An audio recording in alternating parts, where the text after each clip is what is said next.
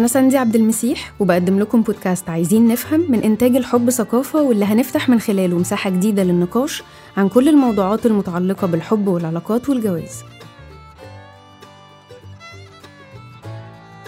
أهلا بيكم في حلقة جديدة من بودكاست عايزين نفهم.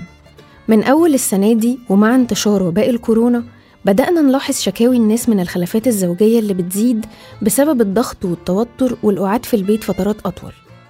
في تنوع كبير طبعا في طبيعة الخلافات ومنها اللي مش بيقف عند كونه خلاف لكن بيتطور لعنف وإساءة سواء بشكل نفسي أو لفظي أو اقتصادي أو جسدي وكمان جنسي. طبعا الخلافات الزوجية في مصر واللي بتوصل للطلاق في حالات كتير موجودة وبتزيد من قبل الوباء. الجهاز المركزي للتعبئة العامة والإحصاء المصري بيعرض في رسم بياني على موقعه إن عدد حالات الطلاق في مصر شهدت طفرة كبيرة بين سنة 2008 و 2009 بيورينا إن عدد حالات الطلاق المتسجلة في 2008 بس كانت 84400 ووصلت في 2009 ل 141500 بعد كده فضلت الزيادة مستمرة لحد ما وصلت 211600 في 2018 للأسف مفيش إحصائيات رسمية بتوضح إذا حالات الطلاق زادت بعد انتشار الوباء ولا لأ. لكن في مقال منشور مثلا على موقع اليوم السابع بتاريخ 9 إبريل مكتوب على لسان المتحدث الرسمي باسم المأذونين الشرعيين إن عدد الحالات اللي طلبت الطلاق زادت 60% بعد أسبوع واحد بس من بداية حظر التجول. وعدد الناس اللي طلبت استشارات تليفونية متعلقة بالطلاق زادت كمان بشكل ملحوظ. لفت نظرنا في كتير من الشكاوي اللي بنشوفها حوالينا أو اللي بتجيلنا في أسئلة الموقع مشاكل كتير سببها إن كتير مننا مفتقد لمهارات التواصل البناء واللي بيحترم مشاعر الآخر وبيعرف يقرأ مشاعره ومشاعر اللي قدامه ويعبر عنها بوضوح وبدون تجريح وإساءة. عشان كده قررنا إننا نعمل الحلقة دي ونتكلم فيها عن طرق حل الخلافات الزوجية بشكل صحي وبيحترم مشاعر واحتياجات كل الأطراف. تعالوا نسمع حوار أجريته مع متخصصة عشان نقدر نفهم إزاي ممكن نحل الخلافات في العلاقات بشكل ما فيهوش عنف أو إساءة.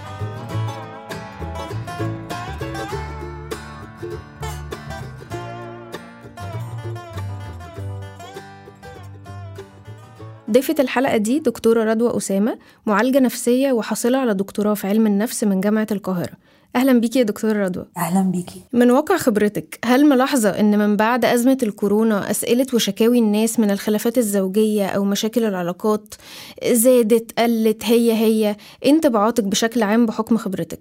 بصي أنا ملاحظة انه الشكاوي زادت زادت علشان خاطر الناس بقت مضغوطة أكتر قعدة البيت والحاجات اللي كانت بتبقى متنفس ليهم ما بقتش موجودة. فبالتالي الناس مضغوطة أكتر ومش قادرة تعمل إدارة لضغوطها فبالتالي الخلافات زايدة. بس عايزة أقول حاجة برضو عايزة أقول إنها زايدة بنفس النمط بتاعهم. يعني لو حد خلافاته فيها لما الناس بتختلف بيمدوا إيدهم على بعض ده بيحصل بس بيحصل بشكل أكتر. لو الناس بس بتتعصب أو بتقول كلام سخيف فبرضو ده بيحصل بس بشكل أكتر. فكل واحد محافظ على نمطه بس الزياده أكتر. ده اللي أنا عايزة أقوله يعني. يعني تقصدي إنه لو مثلا آه علاقة أو أو علاقة بين شخصين مثلا متجوزين هي قبل الأزمة ما كانش فيها إساءة أو ما كانش فيها خلاف في عنف لفظي مثلا أو عنف جسدي الأزمة مش هتسبب إن ده يظهر كده بشكل جديد ما كانش موجود قبل كده. بالظبط كده. عشان كده بقولك كل حد على النمط بتاعه اللي هو متعود عليه. فده حقيقي جدا. طب إحنا ناس كتير بتسألنا عن حل المشاكل في العلاقات والخلافات الزوجية.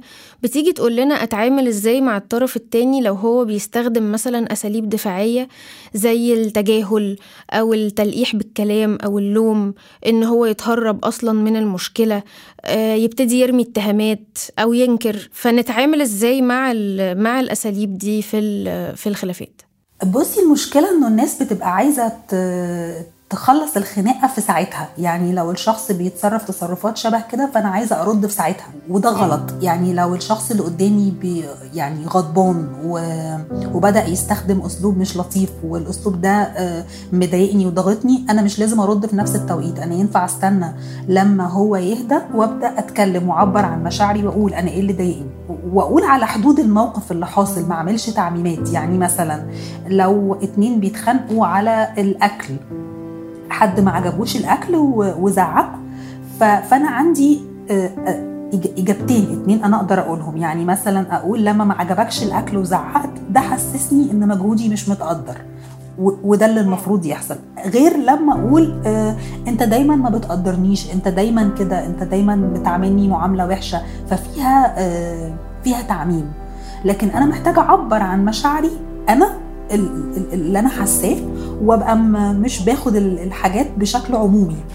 إن أنا أعبر عن مشاعري اللي ليها علاقة بالموقف الحالي اللي إحنا عندنا خلاف بسببه دلوقتي. بالظبط الموقف بس مش مجمل أعمال الفرد يعني. طيب إزاي أعبر عن مشاعري اللي حاصلة بسبب المشكلة من غير ما أكون بجرح في الطرف التاني. يعني أنا عايزة أقول إن أنا اتضايقت من التصرف الفلاني بس في نفس الوقت وعايزة أقول ده بصدق وأنقله للآخر بس في نفس الوقت مش عايزة أكون بعمل ده بطريقة تجرح مشاعر الطرف التاني. أعمل ده إزاي؟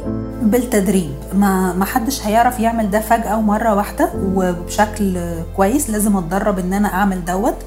آه كمان أنا محتاجة يكون عندي قدر من الذكاء الوجداني إني أعرف أكون بعرف أصلا أعبر عن مشاعري يعني أنا مش بتوقع من حد ما بيعرفش يعبر عن مشاعره إنه يعرف يعمل كده. فأنا محتاجة أتدرب بقى أتدرب من خلال إن أنا أحضر كورسات بت بتتكلم عن الذكاء الوجداني أقرأ كتب عن الذكاء الوجداني أتدرب إني أكتب مشاعري بشكل مستمر. يعني كتابة المشاعر واللي أنا حاساه بشكل يومي بيساعد الناس إنها تتعلم تعبر عن مشاعرها.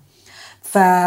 وأنا بعبر برضو عن مشاعري أنا محتاجة أركز على نفسي أنا حسيت بإيه وزي ما قلت مش محتاجة أكون عمومية أنا محتاجة أكون بعبر عن اللي أنا حاسة بيه في الموقف ده بس طب إزاي أفصل بين تعبيري عن مشاعري برضو؟ يعني حتى الصياغة نفسها بتاعة الشكوى أو بتاعة مش متأكدة برضو إذا لفظ شكوى هو أكتر حاجة دقيقة بس تعبيري عن مشاعري ده إن أنا أكون صادقة فيه وبعبر عن نفسي فيه بس ما يطلعش في صورة اتهام أو توجيه لوم.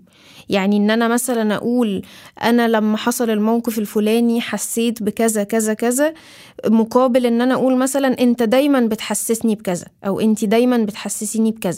ما هو أنا محتاجة أعبر عن اللي أنا حاساه هنا ودلوقتي في الموقف ده حسسني إيه بشكل موضوعي تماما. أنا حسيت بإيه في الموقف ده؟ أنا الموقف ده حسسني منك بإيه؟ وأشارك وأحس إنه من حقي أقول كده.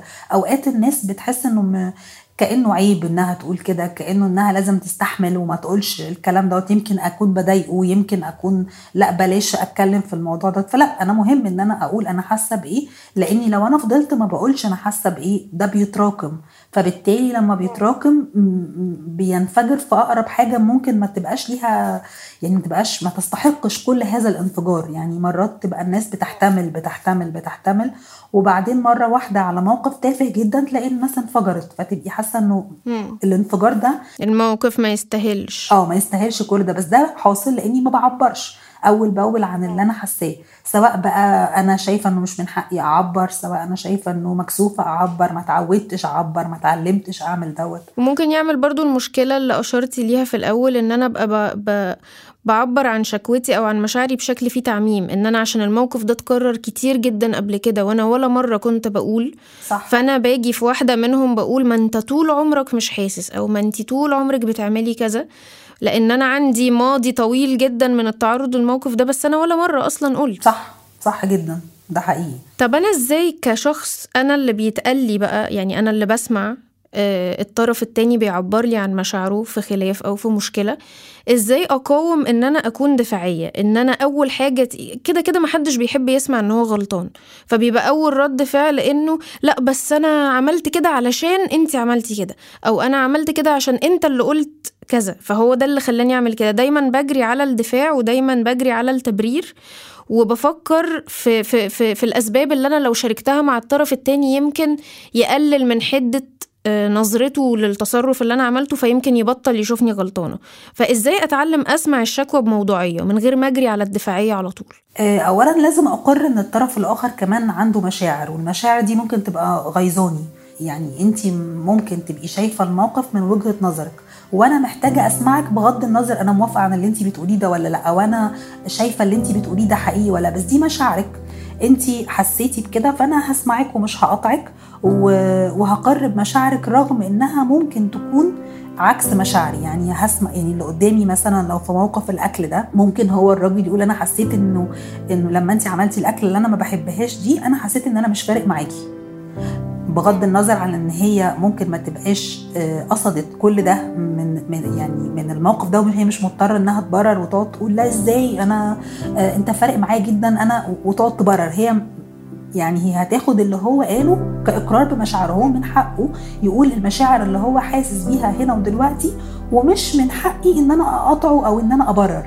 فهو فكرة إن كل حد يلتزم بال, بال أو يقر بمشاعر الطرف الآخر من غير ما يحس إنه ملزم إنه يوضح. أنا مش ملزمة إني أوضح. وده بيريح لأنه لأنه لما بنقعد نوضح لبعض أو نقعد نبرر فده بيستفز الطرف التاني.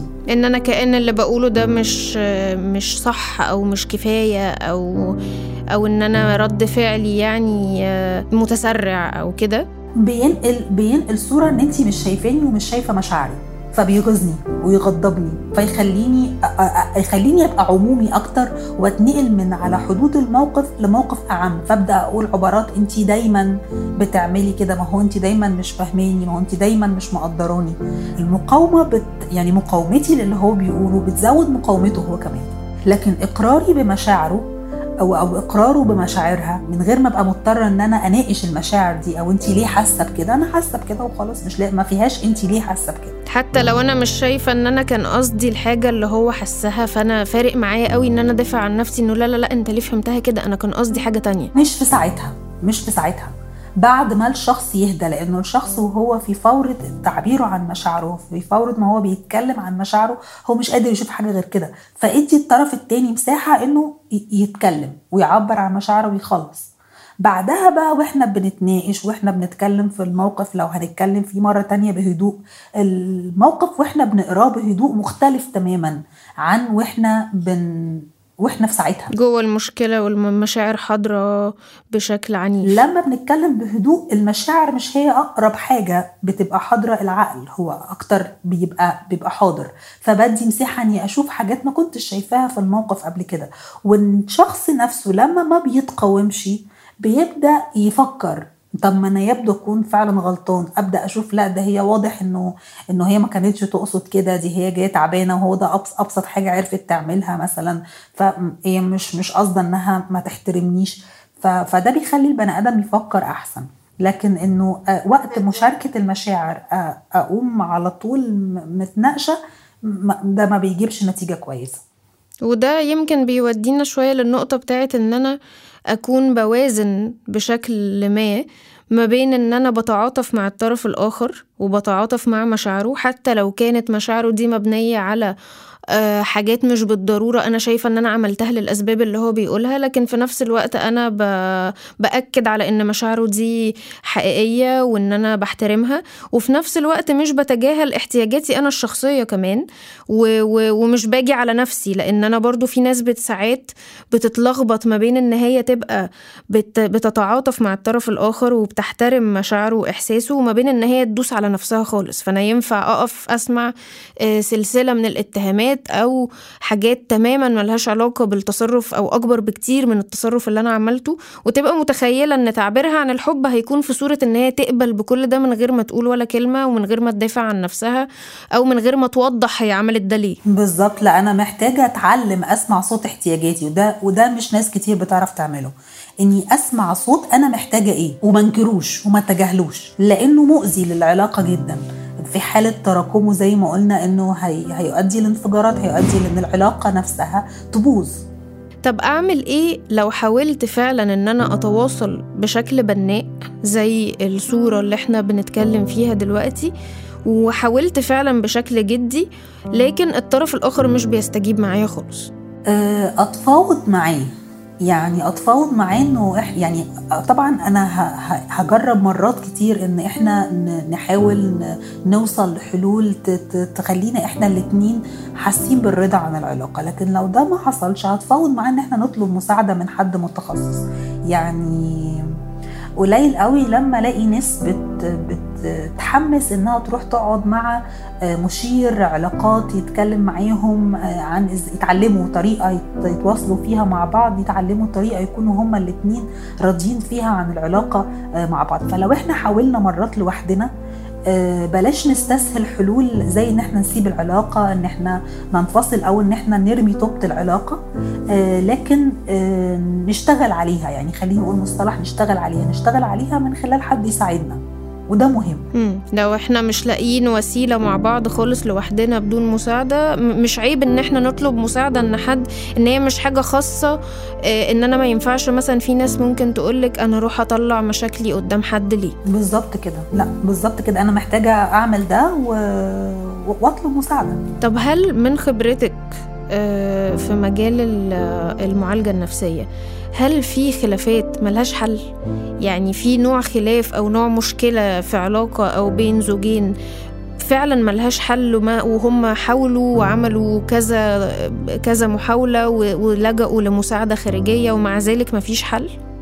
آه ده بيحصل. بس خليني أقول إنه في في خلافات ملهاش حل بس هو تعاملنا مع فكرة ملهاش حل دي إزاي؟ يعني أنا عندي مثلا إنه خلاص انت في حاجة انت بتعترض عليها أو انت بتعترضي عليها تماما آه، وأنا ما بحبهاش. بس الطرف التاني سامح انها بتحصل خلاص من من باب الحرية يعني اللي طب خلاص يعني أنا مش بنبسط لما الحاجة دي بتحصل بس انت حر اعمل اللي انت عايزه. فايه حدود ال ال الحاجة اللي ملهاش حل دي؟ إيه الحدود؟ شكلها عاملة إزاي؟ بيتم التعامل معاها إزاي؟ هل كل حد حر في الآخر انه يعملها؟ ولا أنا بعنفك أو بعنفك لما بتحصل ولا أنا التعنيف بقى بدرجاته. يعني يعني هل هو تعنيف نفسي ولا هو تعنيف لفظي ولا هو تعنيف آه، جسدي؟ فهي الفكرة إنه آه في حاجات ملهاش حل بس هو تعاملنا معاها شكله عامل إزاي. أوقات الناس بتحس إنه خلاص طالما إحنا يعني عندنا خلافات ملهاش حل فخلاص بقى إحنا هننفصل. بس ده مش حقيقي. يعني مش مش كل الخلافات ملهاش حل. الناس بتروح فيها ناحية الانفصال. يعني هو بالظبط زي ما أنا بقول كده هو أنا بتعامل إزاي مع الخلافات اللي ملهاش حل دي. الأفضل طبعا إنه كل حد حر وبي يعني خلاص أنت قلت إنه الحاجة دي مش مناسباك بس أنت في الآخر مديني حرية إنه أنا بعملها وأنا عارفة إنها ممكن تكون بتضايق وما أحسش بالذنب إنه الطرف التاني مش مبسوط لأنه أوقات ببدأ أحس بالذنب إنه الشخص التاني مش موافق أو إن أنا بعمل حاجة هو مش موافق عليها. بس خلاص يعني أنا أنا في الآخر أنا بعمل الحاجة دي بغض النظر عن هو مناسباه أو مش مناسباه. هو مديني حرية إنه أنا أعملها فأنا مش مضطر أحس بالذنب تجاه دوت. ده في حالة إن إحنا توصلنا زي يعني لوفاق كده إن إحنا في ما بيننا المشكلة واحد واثنين وثلاثه وإحنا حاولنا نحلهم قبل كده بس ما, ما مش نافع يتغيروا. فإحنا اتفقنا إن إحنا هنبقى دي أرض وسط إحنا سامحين لبعض فيها إنه خلاص معلش إحنا متصالحين بقى مع إن الحاجة دي ما بتتغيرش. فبعد النقطة دي أنا مش محتاجة أبقى حاسة بالذنب كل مرة الحاجة دي بتحصل لأن إحنا اوريدي اتفقنا على إنه معلش هي مش نافع تتغير وخلاص الطرف التاني متسامح مع ده. ومهم كمان انه الطرف التاني ما يحسسنيش بالذنب. يعني خلاص أنت عارف إنه أنا الحاجة دي مش مناسباني فخلاص مش لازم في كل مرة تحسسني بالذنب فيها لأنه أوقات برضو الطرف التاني بيحسس الشخص بالذنب. فلا أنا أحس بالذنب ولا الطرف التاني يحسسني بالذنب. طب نفرض الحاجة بقى اللي إحنا مش عارفين نغيرها دي أنا مش في طرف من الأطراف بالنسبة له دي حاجة هو مش هيقدر يتنازل فيها أو مش هيقدر يتصالح معاها. هي بالنسبة له حيطة سد وهي يا تتغير يا هو مش هيقدر يستحمل. ساعتها هنعمل إيه؟ الطرف التاني بقى عليه إنه يفكر يحسب مكاسب وخسائر آه، مكاسب وخسائر الموافقة على البند ده. هل أنا هبقى جاي على نفسي تماما ومش قادرة أتصالح مع الحتة دي تماما؟ تماما. ولا أنا يعني بقليل من إدارة الضغط دوت أقدر أتصالح معاها. فهو قرار الشخص التاني هو قادر يستحمل ولا لأ؟ يعني لو هو قادر يهندل الدنيا ويستحمل خلاص أوكي هيكمل. لكن لو وصلنا لحتة سد وخلاص أنا لا أنا قادرة ولا أنا حاسة إن أنا طول الوقت باجي على نفسي وطلبنا مساعدة والناس ما وصلوش لحل جديد خلاص ساعتها الناس بت بتفكر إنها تنفصل. فما أحسش بعبء إن أنا كده مش بثبت إن أنا بحب الطرف التاني. مثلا لأن ده فخ ناس كتير بتقع فيه بتبقى فاكرة إنه احتمال حاجات معينة الشخص مش قادر فعلا يستحملها ده إثبات للحب أو دليل على الحب. أنا طالما بحب فلان يبقى أنا لازم أستحمل كذا حتى لو هو مش مناسبني وحتى لو هو بيضايقني وحتى لو هو ممكن يكون على المدى الطويل أصلا ممكن يأثر على مشاعري تجاه الشخص إلا إن أنا بيبقى عندي تصور إن أنا هثبت حبي بإن أنا هستحمل وهتنازل وهوافق حتى لو هي كانت حاجة فعلا فوق طاقتي إن أنا أستحملها.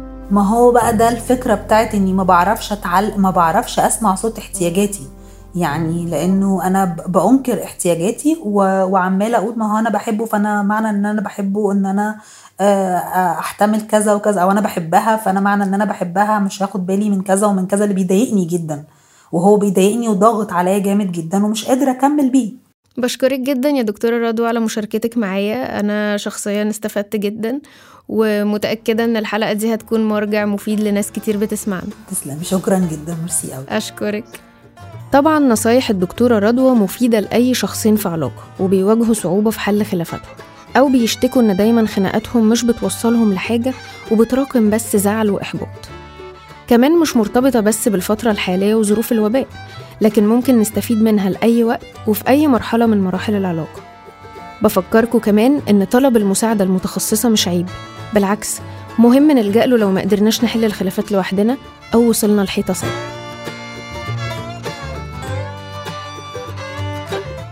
كنت معاكم ساندي عبد المسيح في بودكاست عايزين نفهم من إنتاج الحب ثقافة وبدعم فني من منصة بودكاست صوت. عملت مونتاج للحلقة وشاركت في إعدادها مع زملائي أحمد عطوة أمير زكي رامي متولي وميل حسين.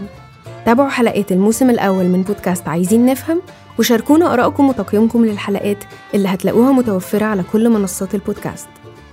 ملحوظة الآراء الواردة في البودكاست تخص أصحابها ولا تعبر عن منصة بودكاست صوت. نتقابل في الحلقة الجاية.